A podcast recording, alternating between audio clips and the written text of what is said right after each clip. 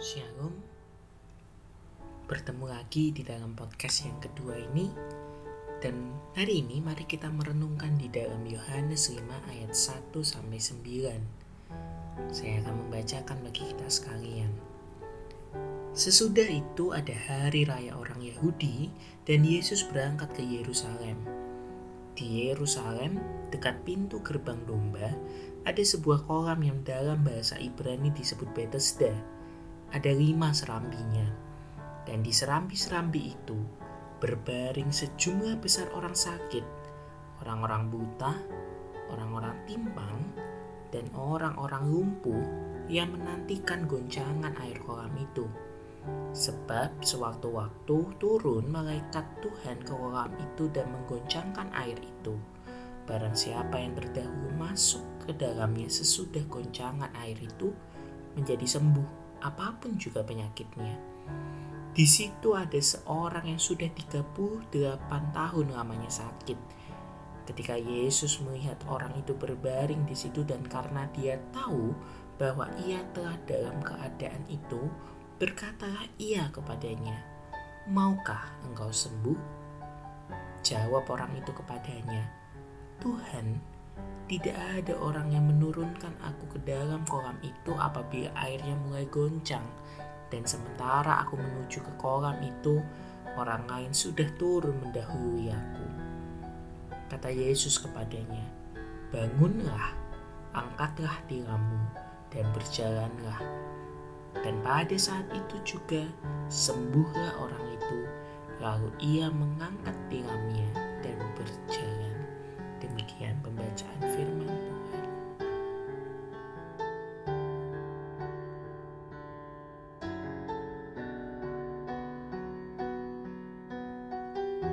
Berapa dari kita yang tidak mau dibawa ke dokter ketika sakit? Saya ingat saya pernah mengalami hal demikian. Ketika menjelang kelulusan SMA, saya mengalami sakit tenggorokan. Berbicara saja sulit, apalagi untuk makan dan minum. Ketika sakitnya belum seberapa, saya memilih untuk menyembuhkannya sendiri. Minum air putih hangat, minum obat, dan makan permen tenggorokan. Tetapi sakitnya justru semakin menjadi-jadi.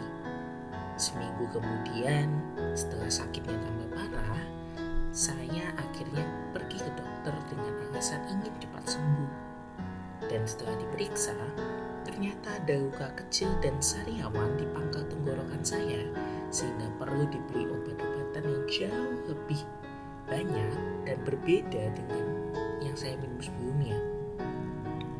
Kalau dipikir-pikir, sebenarnya saya bisa pergi ke dokter pada saat itu juga.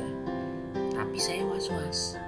Was-was karena takut penyakitnya nanti lebih parah dibanding yang saya pikirkan was-was karena takut biaya yang membengkak akibat pengobatan. Was-was karena saya takut membebani orang tua karena sakit. Namun, rasa was-was itu digagalkan oleh satu pernyataan sederhana dari diri saya. Kamu mau cepat sembuh? Iya, pertanyaan itulah yang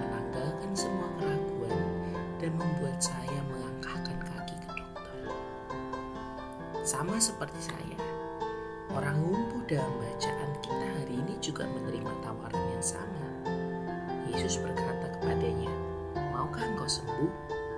Yesus tahu bahwa orang ini sudah lumpuh selama 38 tahun.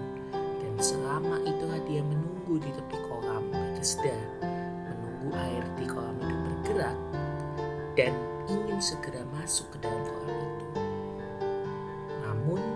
Selama itulah dia tidak mampu untuk menggapai kolam itu. Tidak ada yang peduli dengannya, tidak ada yang mau menolongnya. Sangat wajar ia mengalami sakit hati dan sakit fisik tentunya. Sehingga tidak salah dia berkata, tidak ada orang yang menurunkan aku ke kolam itu. Namun, Yesus tahu bahwa orang ini membutuhkan kesembuhan. Dan Yesus menjawab kebutuhannya Bukan hanya itu, dia memulihkan orang lumpuh itu dan memberinya kesempatan yang baru untuk berbuat bakti kepadanya. Saya yakin bahwa setiap kita punya pergumulan, kelemahan, persoalan, luka batin, dan trauma yang belum terselesaikan yang merintangi dan menjadi penghalang bagi. Semuanya dapat mempengaruhi bagaimana cara kita menilai diri sendiri, bagaimana kita berhubungan dengan orang lain, bagaimana kita berpikir, bertutur, dan bertindak. Mungkin pada saat ini juga kita memilih untuk memendam itu semua.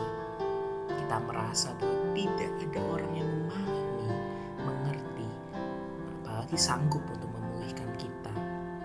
Kita memilih menyimpan itu semua, membiarkannya mengikat dan membelenggu hidup kita. Pada saat inilah Tuhan sedang mengetuk hatimu dan menawarkan kesembuhan untukmu.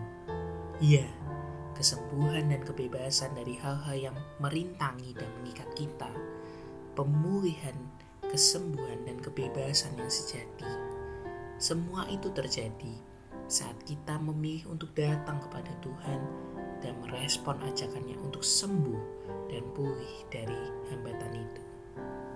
Maka, jawablah pertanyaannya di dalam hatimu dengan iman. Hampiri dia di dalam doa-doamu mintalah kepada Dia, Sang Penyembuh, untuk memulihkan dan menyembuhkan kau. Dan responi panggilannya saat Dia berkata, "Maukah engkau sembuh?" mismo.